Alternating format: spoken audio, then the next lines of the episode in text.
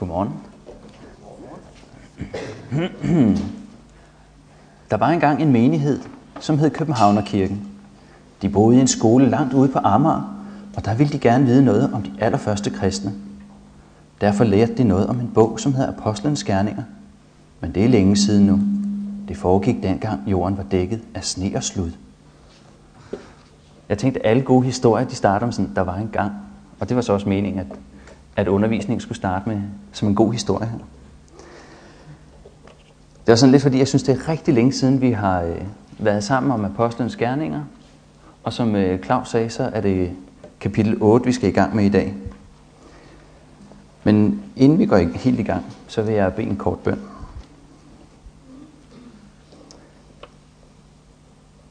Herre, tak fordi du har givet os Bibelen. Tak fordi du har sagt ting til os der. Jeg beder dig om, at de ting, du siger i kapitel 8 her, at du vil lære os noget om vores forhold til dig, og at du vil lære os noget om menighedens liv i dag.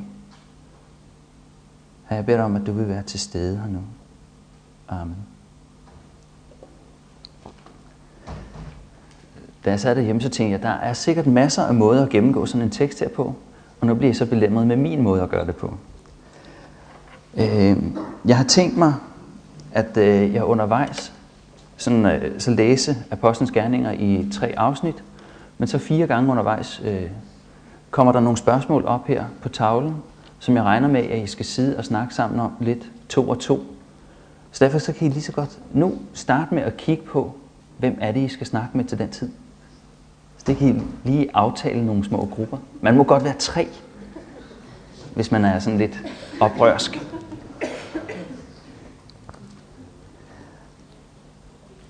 Øh, og så kender jeg ikke helt til det der med begrænsningskunst. Så nogle af de øh, billeder, der kommer op her, der er simpelthen så mange spørgsmål. Øh, så skriften bliver lidt lille, og så I ikke kan nå at snakke om dem alle sammen alligevel. Så må I vælge et enkelt spørgsmål, og så øh, snakke om det. Sådan er det. Når de kommer, så har jeg valgt at dele de her spørgsmål, og også sådan som det jeg vil sige, ind i to temaer noget om, hvad den her tekst siger om, øh, om det personlige liv med Gud, og så noget om, hvad teksten siger om menighedens liv.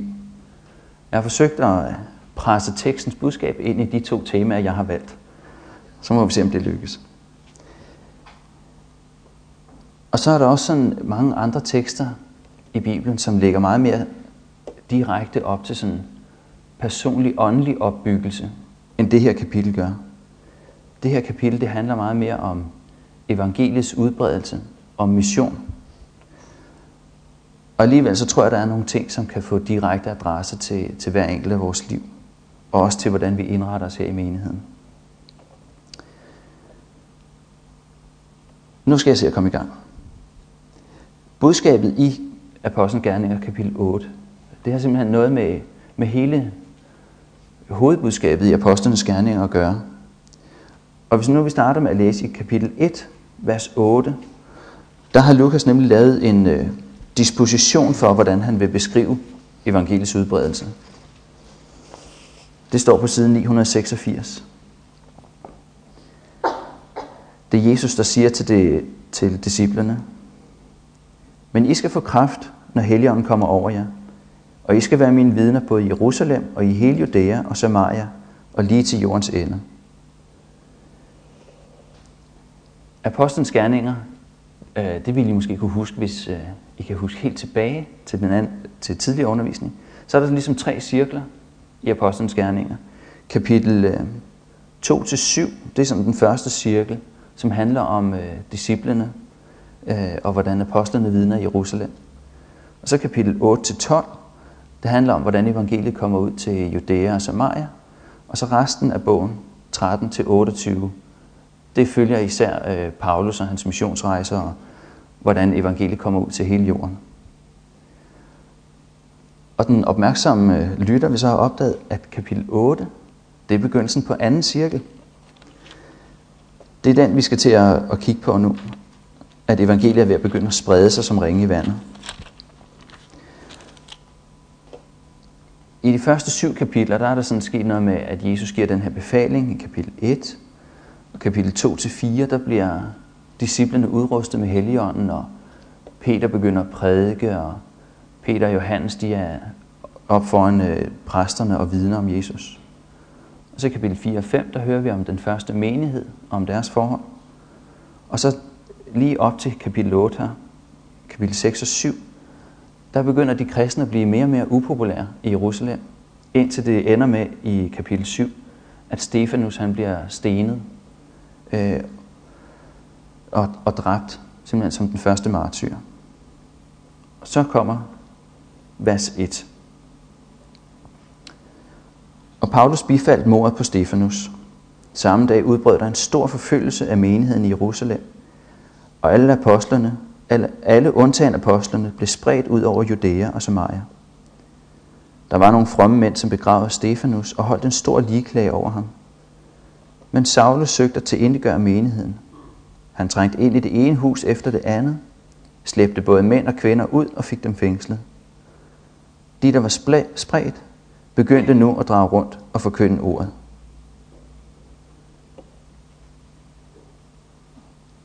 Grunden til, at Stefanus bliver stenet, det er, fordi han begynder at forkynde om Jesus.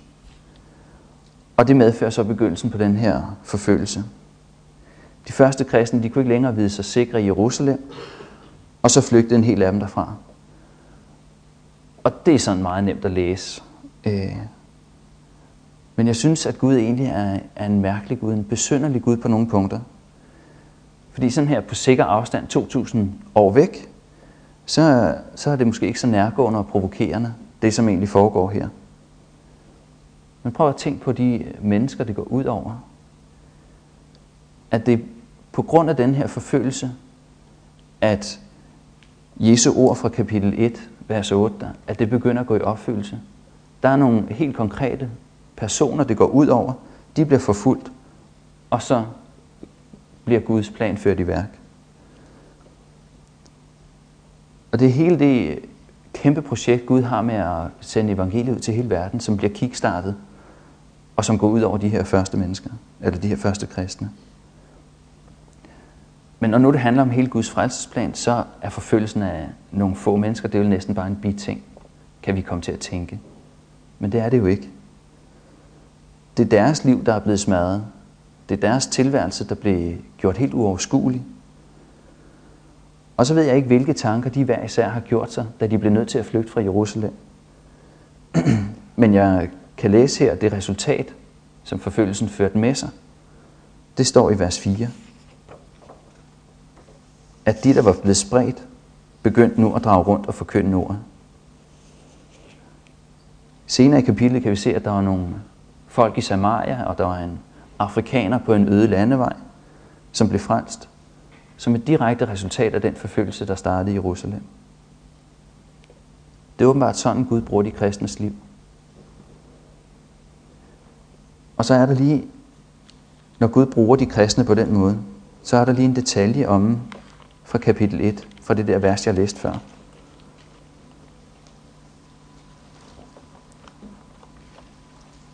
Hvor Jesus han siger, men I skal få kraft, når Helligånden kommer over jer, og I skal være mine vidner og der ud af. Jeg tvivler på, at folk, der flygter, de opfatter sig selv som mennesker med overskud af kræfter. Ikke i den situation. Og alligevel så de folk fra Jerusalem, som nu flygter, de er omfattet af det, Jesus siger her. Det er dem, Gud har valgt som vidner. Det er dem, Helligånden har taget bolig i. Og det er dem, der er blevet redskaberne til andre folks omvendelse. Det er dem uden kræfter, Gud bruger fordi de skal få kraft, når Helligånden kommer. Og så tænker jeg, kan vide, om du og jeg så ikke også falder ind i den kategori af mennesker, Gud har valgt at bruge som sine vidner over for andre. Det er svært at finde en undskyldning for, at jeg er uden for den kategori så. Og så vil jeg ikke sige mere om de første fire vers, men øh, send de første spørgsmål derop. Og så får I sådan to-tre minutter, og så går jeg i gang igen.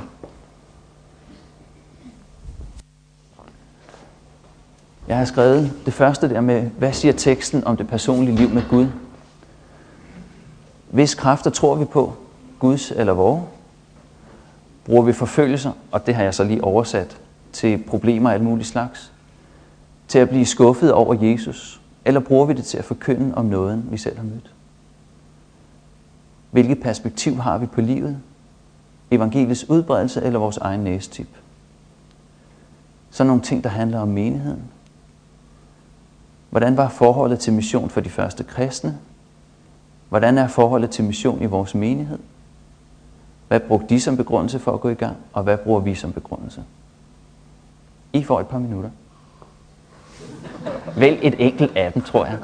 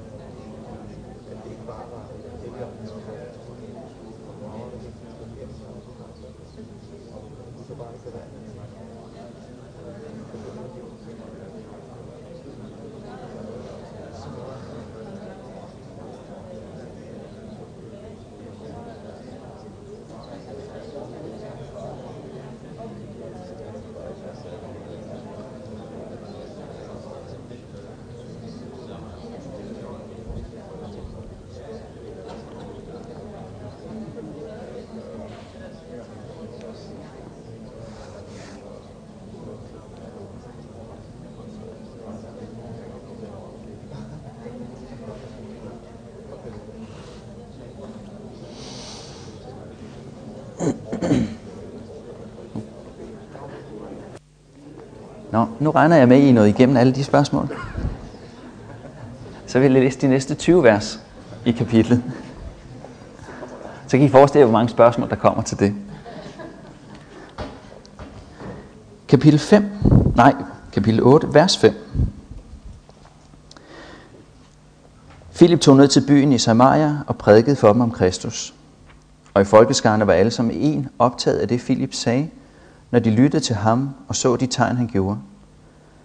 For mange af dem, der var besat af urene ånder, dem får de ud af med råb og høje skrig, og mange lamme og halte blev helbredt.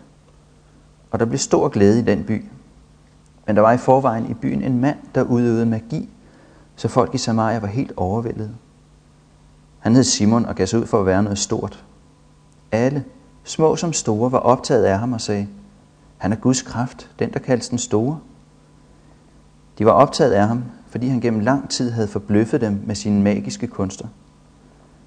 Men da de nu troede Filip, der forkyndte evangeliet om Guds rige og om Jesu Kristi navn, lod de så døbe, både mænd og kvinder.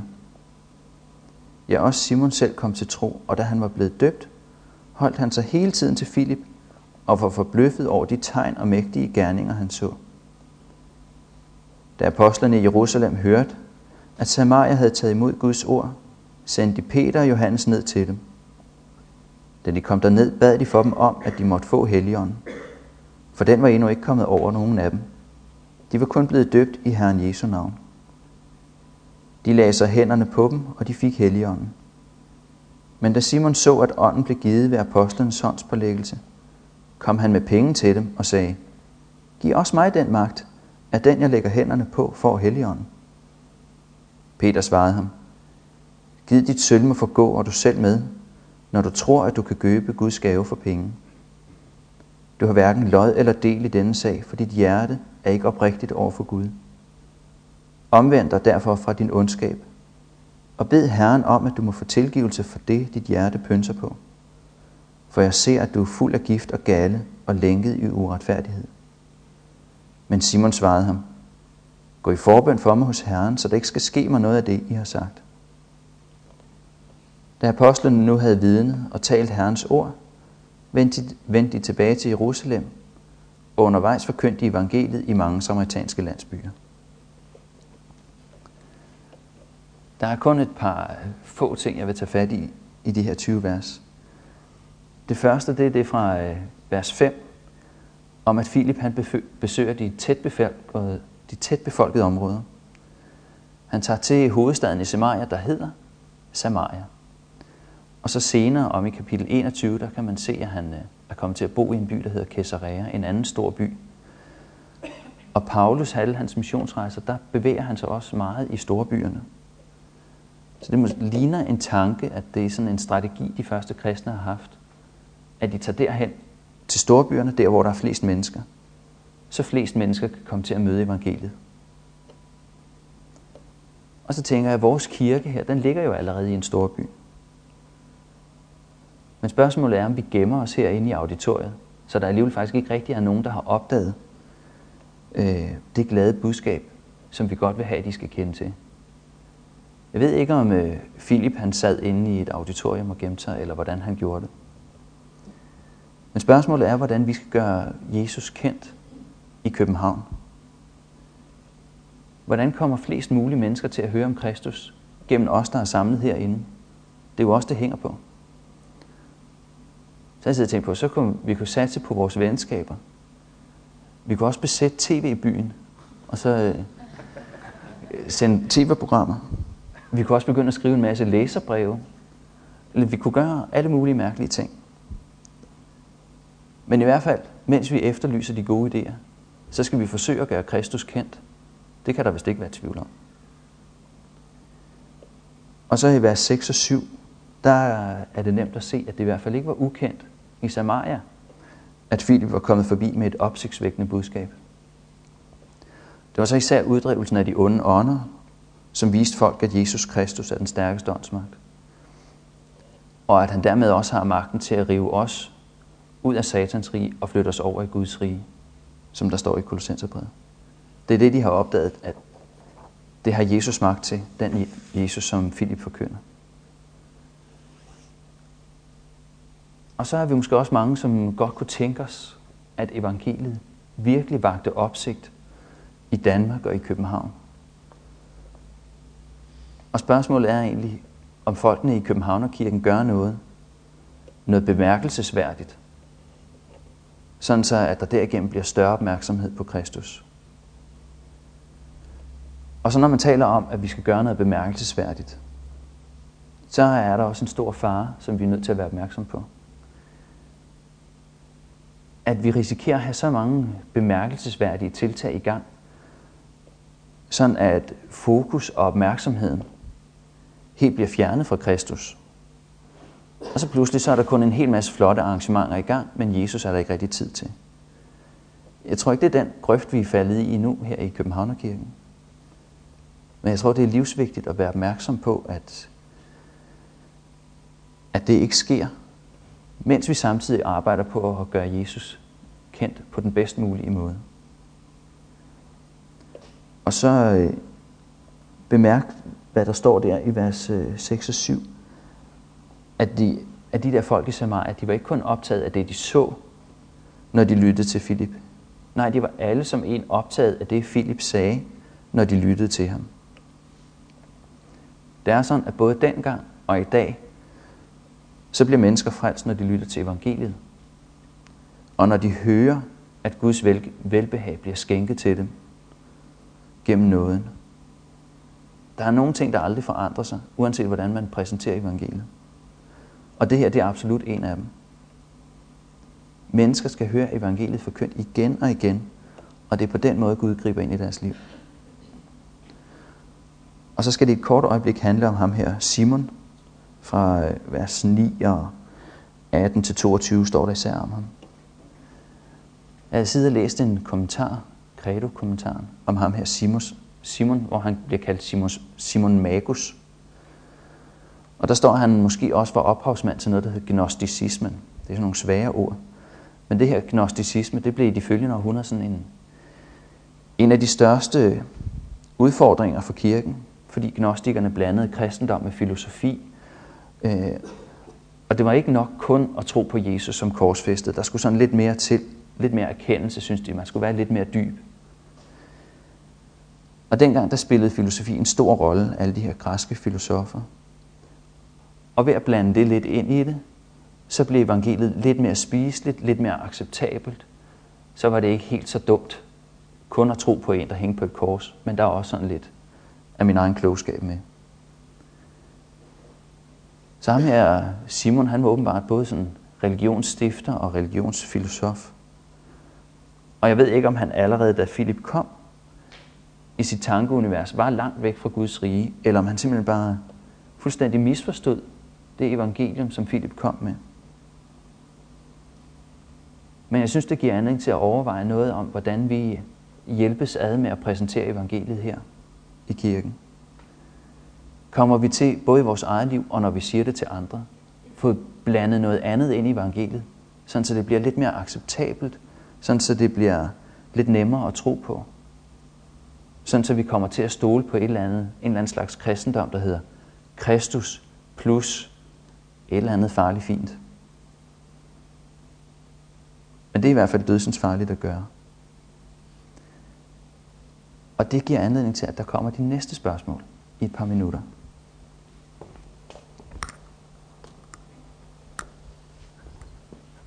Om det personlige liv.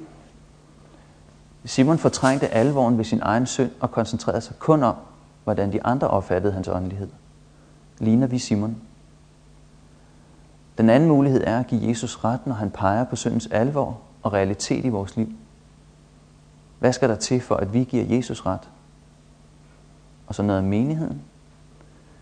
Hvordan skal vi gøre Kristus kendt i København? Hvordan skal vi her i Københavnerkirken hjælpe hinanden, så vi undgår, at evangeliet bliver misforstået og drejet i en forkert retning? Det er nærliggende for enhver at ville gøre kristendom lidt mere spiselig og acceptabel, både for andre og for sin egen skyld. Hvordan hjælper vi hinanden til at bevare korsets dårskab som vores eneste grundlag? Der er frit valg.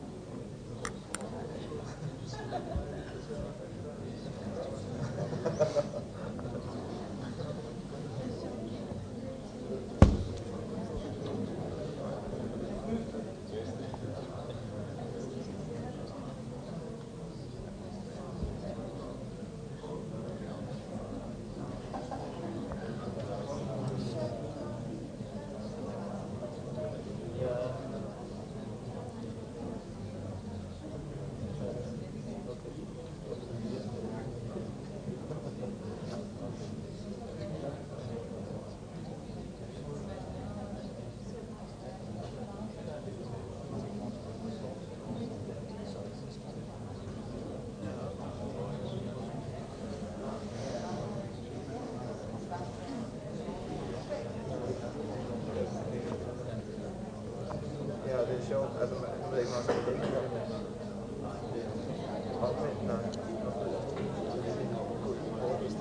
you.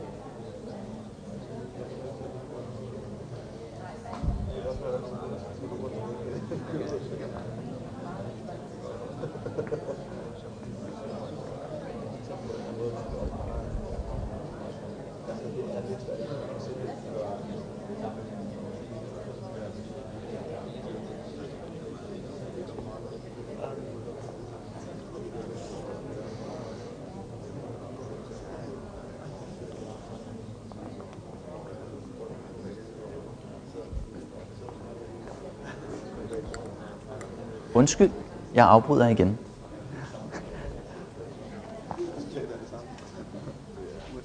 Nu vil jeg læse det om øh, Filip fra vers 26. Herrens engel talte til Filip og sagde, Bryd op og gå sydpå af den vej, der går fra Jerusalem til Gaza. Den er øde. Og Filip brød op og gik. Der var en etioper, en mægtig hofmand hos etiopernes dronning Kandake, som forvaltede alle hendes skatte. Han var kommet til Jerusalem for at tilbe, og var på vej hjem, og sad i sin vogn og læste profeten Esajas.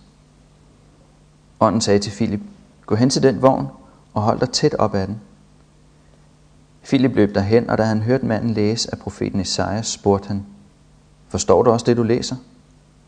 Han svarede, Hvordan skal jeg kunne det, når der ikke er nogen, der vejleder mig? Og han bad Filip om at komme op i vognen og sætte sig hos ham. Det afsnit i skriften, han læste, var dette. Som et får, der føres til slagtning, som et lam, der er stumt, mens det klippes. Således åbnede han ikke sin mund. I fornedrelsen blev hans dom taget bort. Hvem kan fortælle om hans slægt? For hans liv blev taget bort fra jorden. Hofmanden spurgte Filip, Jeg beder dig sige mig, hvem er det, profeten taler om her? Er det om sig selv, eller er det om en anden? Filip tog så til ord, og han begyndte med dette skriftsted og forkyndte evangeliet om Jesus for ham. Mens de nu kørte hen ad vejen, kom de til noget vand, og hofmanden sagde, Se, der er vand. Hvad hindrer mig i at blive døbt? Filip sagde, Tror du af hele dit hjerte, så kan det ske. Han svarede, Jeg tror, at Jesus Kristus er Guds søn. Han befalede, at vognen skulle stanse, og de gik begge ned i vandet. Både Filip og hofmanden, og Filip døbte ham. Men da de kom op af vandet, bortrykkede Herrens ånd Filip, og hofmanden så ham ikke mere. Han fortsatte sin rejse med glæde. Filip blev senere set i Astot, og han forkyndte evangeliet i alle de byer, han drog igennem, indtil han kom til Caesarea. Jeg vil sige en lille smule om hofmanden og en lille smule om Filip i det her afsnit. Det er sådan, nu er evangeliet lidt på vej til at brede sig helt ud i tredje cirkel, fordi han øh, slet ikke er fra Judæa og Samaria, ham her i Etiopien. Men han har allerede taget den jødiske tro til sig, så det er ikke helt derude endnu. Men det viser lidt om, at det ikke kun er de her blandingsjøder i Samaria, som skal høre evangeliet, men det skal hedningerne i hele verden også. Og så viser beretningen, at det er enkelt individer, Gud er ude på at frelse. Og at du og jeg er sådan nogle enkelte individer. Den her hofmand, han arbejder for en etiopisk dronning, der hedder Kandake. Og Kandake, det var ikke kun navnet på en enkelt dronning, som lige fandtes, men en hel række. Det var sådan, ligesom farao i Ægypten, så var det både egenavn og titel på den, der regerede dernede i Etiopien. Og så øh, var der det specielle, når nu det var dronninger, som regerede, at alle de her høje embedsmænd, der var tradition for, at de blev kastreret. Det er sådan lidt surt, men øh, sådan var det altså. Fordi så kunne man i hvert fald ikke være i tvivl om, om arvespørgsmålene, og hvem er det nu, der er far til den næste regent og sådan noget. Det var kun dem, der ikke var kastreret, der kunne være det nemme. Og derfor så har den her hofmand, han har nok været eunuk, er det fine ord. Og så har han øh, modtaget jødernes tro, men det giver ham nogle problemer i hans gudstyrkelse. Og der var sådan en imellem folk, der kom til, fra andre folkeslag, der kom til tro på jødernes Gud. Det hed proselytter. Det var nogen, som blev optaget i den jødiske menighed. Men det kan den her hofmand ikke blive, fordi han er kastreret. Det står der om, om i uh, Mosebogen, om i Moseloven. 5. Mosebog, kapitel 23, vers 2. Der står, at dem, der er kastreret, dem, der har fået deres testikler knust, de kan ikke øh, tilhøre Gud. Og så i Isaias kapitel øh, 56 står der noget om, at den situation først ændrer sig, når Messias kommer og tager de fremmede til sig. Og det er i Isaias kapitel 56. Der er der et helt konkret løfte til de kastrerede, eller gillinger, er ordet der. Så noget af det vigtigste i den her beretning, det er måske, at en, som aldrig ville kunne blive optaget i den jødiske menighed, fordi han er uren og forkert på den. Han kan nu blive optaget i den kristne menighed. Fordi i den kristne menighed er der plads til enhver, der påkalder Jesus Kristus som Herre og Frelser. Uanset hvordan vedkommendes fysiske og sociale stilling ellers er. Det her om øh, den etiopiske hofmand, det understreger, at evangeliet, det er for dem, der ligner dig og mig. Og evangeliet er for dem, der ikke ligner dig og mig. Hverken socialt eller kulturelt eller nationalt. Og så lidt om Filip i det her afsnit. Gud han leder Filip derhen, hvor øh, han skal bruges. Og Filip han var villig til at bruge sine fødder og gå derhen, hvor Gud sagde. Og det, at Filip var villig til det, det medført, at han fik alle tiders mulighed for at forkynde om Jesus. Manden sidder jo lige og læser noget, som handler om Jesus. Så det er simpelthen så oplagt. Og der var simpelthen en person, der længtes efter at høre det glædelige budskab, som både Filip og som du og jeg allerede kender. Der var en, som havde brug for at høre det. Og så er det, jeg kommer til at tænke på, hvad der egentlig sker, når vi ikke er villige til at gøre det, Jesus siger, vi skal. Hvilke konsekvenser får det for vores eget liv, at vi ikke stiller os til rådighed, når Jesus siger det? Og hvilke konsekvenser får det for andres liv, at vi ikke gider at gå derhen, hvor Jesus siger? Der, der findes et godt ord, som siger noget om øh, Philips liv. Det er ordet efterfølgelse. Og jeg er bange for, at det er sådan et ord, som vi nemt kommer til at skubbe lidt på afstand. Men livet sammen med Kristus, det er ikke sådan lidt, lidt, lidt la og tilvalg og fravalg, alt efter om jeg nu synes, det er interessant eller ej. Nej, livet sammen med Kristus, det involverer alle tanker, alle følelser, alle kræfter. Hele personligheden skal stå til rådighed for ham. Alt tilhører ham. Og det kan jeg blive helt træt over. Men det er jo ikke sådan, at det er noget, vi selv skal finde kræfterne til. Det er kun Guds nåde, som bevarer os i et, i et sandt forhold til Gud, hvor vi ikke øh, roder rundt i de ting. Men det laver jo alligevel ikke om på, at vi er kaldet til at være der, hvor Jesus vil bruge os. Og det jeg vil pege på med det her, det er så bare, at vi skal gå derhen i livet, hvor Jesus siger, vi skal. Fordi han har et formål med det. Det havde han med Filip, og det har han med os. Og så øh, springer jeg let elegant over de sidste 10 afsnit, og ikke 10 vers, og ikke siger mere. Der kunne siges mange andre ting om det her kapitel. Der kunne siges, der er mange øh, vigtige vers, men dem tager jeg ikke nu. Jeg tager i stedet for at give jer tredje omgang spørgsmål.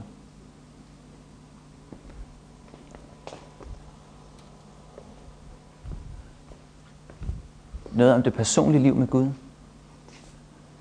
Philip blev sendt afsted til en enkelt mand, fordi det enkelte menneske har uerstattelig værdi for Gud.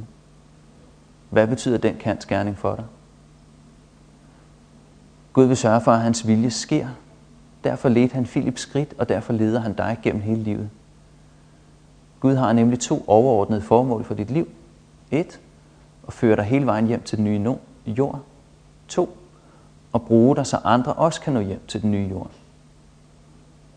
Vil du stå til rådighed for Gud, så det kan ske? Og så noget af menighedens liv. Gud ser den enkelte. Hvordan skal vi indrette Københavnerkirken, så vi også er opmærksomme på den enkeltes værdi, og på at hver enkelt får et levende forhold til frelseren? Hofmanden passede ikke ind i det fine selskab i templet. Har vi plads til de skæve eksistenser og utjekkede personer, eller er vi ubibelske på det punkt? I får et par minutter igen.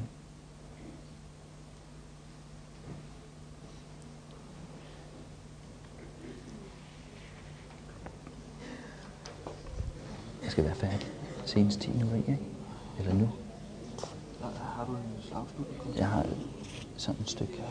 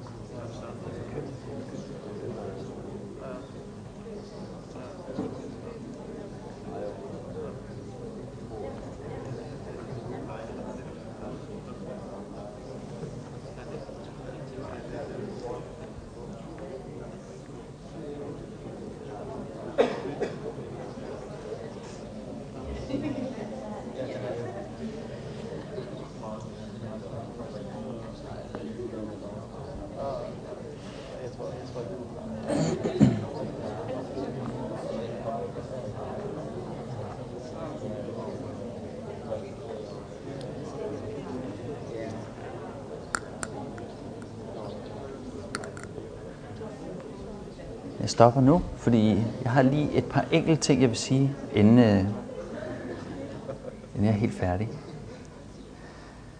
Jeg ved godt, at nogle af de spørgsmål, jeg har stillet, det er ikke sådan nogle, øh, sådan at vi kan sidde og klappe hinanden på skulderen og sige, I hvor klarer vi det godt. Og jeg ved godt, at der er en fare for, at nogle af spørgsmålene, de sådan ligger op til, at man skal svare på dem på sådan en eller anden logisk måde, om at nu skal vi altså bare se at få taget os lidt mere sammen og gøre det ordentligt her. Øh, men det er sådan set ikke meningen, fordi det er galt. Vi kan ikke øh, blive en menighed, der brænder efter at udbrede evangeliet til andre, ved at tage os lidt mere sammen og så sparke til dem, som er mere sløve end os selv. Det er ikke kristendoms glædelige budskab. Men jeg har valgt at fokusere på de spørgsmål i dag, fordi det her kapitel egentlig ikke siger så meget om, hvor vi personligt skal finde kræfterne til at leve tæt hos Jesus. Kapitlet siger mere noget om, hvad der sker, når nogle personer, når de kristne, øh, tilhører Jesus i et og alt og stiller sig til rådighed for ham. Så bliver de brugt, så bliver evangeliet forkyndt, og så bliver nye mennesker for at til Guds rige. Og derfor så vil jeg slutte af med at stille jer to spørgsmål, som bare er til personlig overvejelse, og så øh, beder jeg en kort bøn om lidt.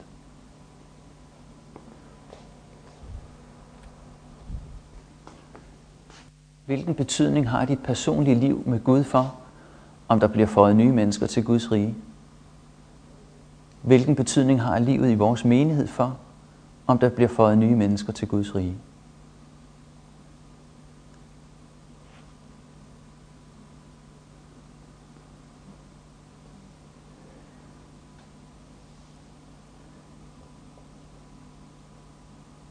Herre far i himlen, jeg beder dig om, at det må lykkes for dig at føre hver enkelt af os, som sidder herinde, hele vejen til den nye jord. Jeg beder dig om, at det lykkes for dig at bevare os hos dig, så vi lever af, at Jesus Kristus er vores stedfortræder. Samtidig så beder jeg dig om, at, at vores liv, vores personlige liv med dig, vores liv her i menigheden gør, at der er flere mennesker, der møder dig, at der er flere mennesker, der bliver fået til dit rige. Amen. Så har jeg ikke mere.